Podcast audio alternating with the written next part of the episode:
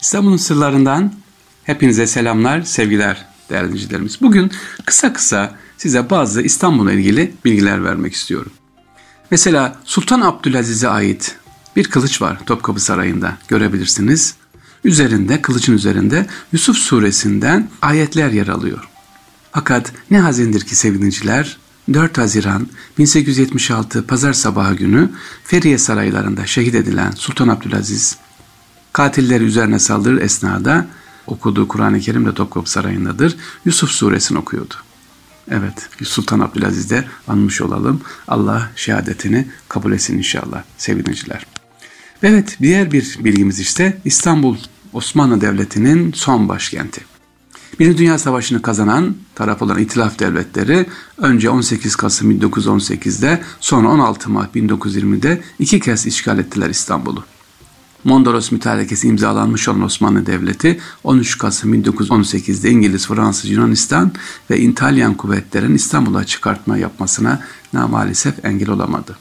İşgal yılların İstanbul'da yaşayan Amerikalı baba oğul Brandon ve John Fraley ortak kaleme aldıkları Galata Pera Beyoğlu bir biyografi kitabında bakın işgalden şu bilgiyi aktarıyor ki e, bunu özellikle sizlere aktarmak istiyorum işgal. Allah bir memleketi, devleti ne yapmasın? İşgal ettirmesin inşallah. Rabbim bu devletimizi, İstanbul'umuzu daim eylesin. Diyor ki kitapta Osmanlı halkı üzerinde e, itilaf devletlerinin yani işgal kuvvetlerinin idare etkileri olmamasına rağmen müttefiklerin özellikle de İngiliz polisleri Beyoğlu ve civarında kafalarına göre denetim hatta tutuklama yapıyordu. Bu dönemi, bu keyfi uygulamadan birini İstanbul Belediye Başkanı olan Cemil Topuz'u da yaşamış. Evet, Cemil Paşa. Paşa'nın kayınpederine ait Kanlıca'daki Kadir Paşa yalısında Fransız işgalciler tarafından el konulur. Bunu duyan paşa apar topar yalıya özel eşyaları almaya gelir. Fransız komutan ise eşyaları vermek bir yana dursun, mevcut olanların yetersiz olduğunu söyleyerek eksik listesi hazırlar. Yanlış okumadınız. Bu yüzde yüz gerçek ve hatıralarda var. Cemil Topuzlu Paşa yani İstanbul Belediye Başkanı bunun önce bir şaka olduğunu sansa da gerçeklerle yüzleşmesi uzun sürmez ve gerçekten o Fransız komutanın hem evi verir işgal ediyor hem eşyaları dokundurmuyor hem de diyor ki evde şunlar şunlar eksik, eksik diyor. Tuvalet kağıdına kadar aldırıyor. Ya Sevgili bugün İstanbul'da işgal dönemi esnasında yaşanan bu eziyetleri elhamdülillah yaşamıyor ve şehrimizin her yerinde Türk bayrağının özgürce dalgalandığını görüyorsak bunda emeğe geçenleri ne yapalım? Şükranla, minnetle analım. Şehit olanlardan Allah rahmet etsin diyoruz efendim. Devam edelim İstanbul'la ilgili sevgiliciler başka ne var? Bugün sizlere kapı tokmağından bahsetmek istiyorum biraz da. Evet kapı tokmağı bizim özellikle kapılara girdiğimiz zaman bazı kapı tokmaklarında, kapılarda iki tokmak görürsünüz sevgili dinleyiciler. Bir tanesi yukarıda, bir tanesi aşağıda. Nedir bu? İnşa edilen özellikle Süleymaniye eğer giderseniz sevgiliciler Süleymaniye'de görürsünüz. Ee, bazı kapılarında üst tarafta bir tokmak vardır, bazılarında alt tarafta. Bu gelen kişinin kadın veya erkek olduğunu anlamak için iki farklı yapı, yapılmaya geçilmiş. İki şekilde yapılmış. Başka özellikle Süleymaniye'deki bu evlere bakarsanız aynı eve giriyorsunuz ama iki kapı var. Bir gelen kişi eğer e, tokma aşağıdaki tokma hafif böyle tık tık tık öbürü tok tok tok tok. Ha gelen kişi erkek ona göre çıkıyor. E, hazırlığını yapıyor yüzünü kapatıyor. Bayansa ona göre çıkıyor. Peki e, bayansa onun kapısı da ayrı. Bugün Süleyman dediğim gibi evlere giderseniz orada görürsünüz. Erkekler geldiğinde kalın tokmağı çalar ve çıkan sesten gelen kişinin erkek veya kadın olduğu önceden anlaşılıyordu. Ama bazı evlerde bu böyle değildi. Dediğim gibi Süleymaniye'de bulunan bu evde kapı tokmağı yerine iki kapı inşa edilmiş. Aynı eve ama iki kapıdan giriş var. Bir kapıdan kadınlar girerken diğer kapıdan da erkekler girmekte. Yani haremlik selamlık. Kapının üzerinde bulunması gereken tokmaklar ise bugün e, gittiğimiz zaman yine aynı şekilde duruyor. Görebilirsiniz sevgiliciler. Bu da bir Osmanlı nezaketi, Osmanlı İstanbul'u. Bugün zil çaldığı zaman ne yapıyoruz? Aa nerede kaldın diyoruz.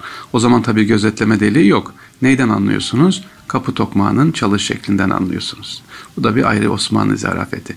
Kütahya'ya gitmiştim. O zaman orada tanıştım. Eski Kütahya evlerine de böyleydi. Ee, ne var orada?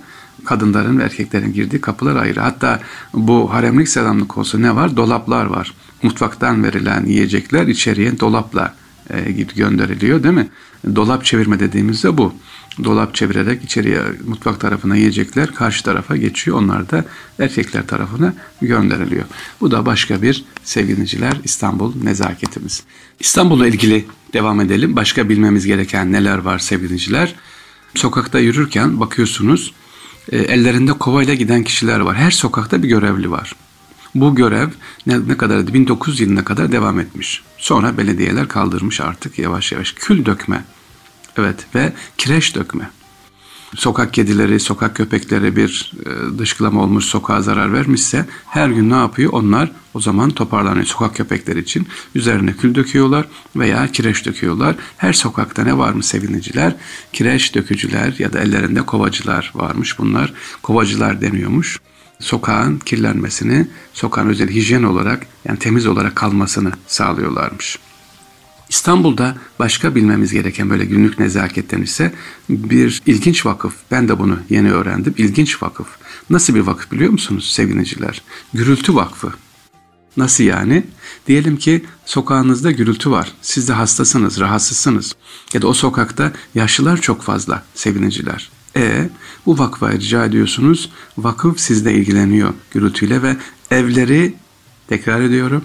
Bu vakıf, gürültü vakfı evleri tek tek gezerek gürültü yapılmamasını nezaketle uyarıyor, söylüyor ve onlara gürültü yapanlara eğer imkan dahilinde neden gürültü yapıyorlarsa tedavilerini veya ikramlarını karşılıyor. E, ihtiyaçları varsa fakir bir aile ise ondan dolayı kavga, dövüş çıkıyorsa onların ikramlarını karşılıyor. Yani kavga dövüş niye çıkar? Para yoktur, gıda ihtiyacı vardır ondan çıkar. En önemli bu vakfın görevi sokakta bulunan gürültü çıkartanları ne, yap ne yapıyorlar? Terbiye ve nezakete davet ediyorlar. Şimdi buradaki nezakete bakın. Üst kattasınız, siz alt kattasınız, gürültü geliyor. Çıkıp hop demiyorsunuz. Ya da mahalleniz yan komşuda ne var? Gürültü var. Kendiniz muhatap olmuyorsunuz. E, yüz göz olmayalım, kötü komşu olmayalım diye ne yapıyor? Nezakette ilgili vak, gürültü vakfına gidiyorsunuz. Ben gürültü vakfı diyorum ama uzun bir ismi var gürültü ve asayişi sağlama diye ya da nezaketli bir şekilde yazılmış. Bu vakıfa gidip diyorsunuz ki aman benim sokağımda gürültü var. Ben rahatsızım. Evimizde yaşlı işte annem var, nenem var. Bize yardımcı olun. Hay hay diyorlar ve gerekeni sessizce yapıyorlar sevinciler. İşte İstanbul nezaketlerinden birkaçını size bugün sunmuş olduk. Allah'a emanet olunuz efendim. İnşallah sizlerden gelen sorulara da cevaplayacağız. Bizlere yazın mail atabilirsiniz. sarrafoglufahri.gmail.com'a gönderebilirsiniz. Sevgili gençler sizden de bekliyoruz inşallah. Esselamu Aleyküm ve Rahmetullah.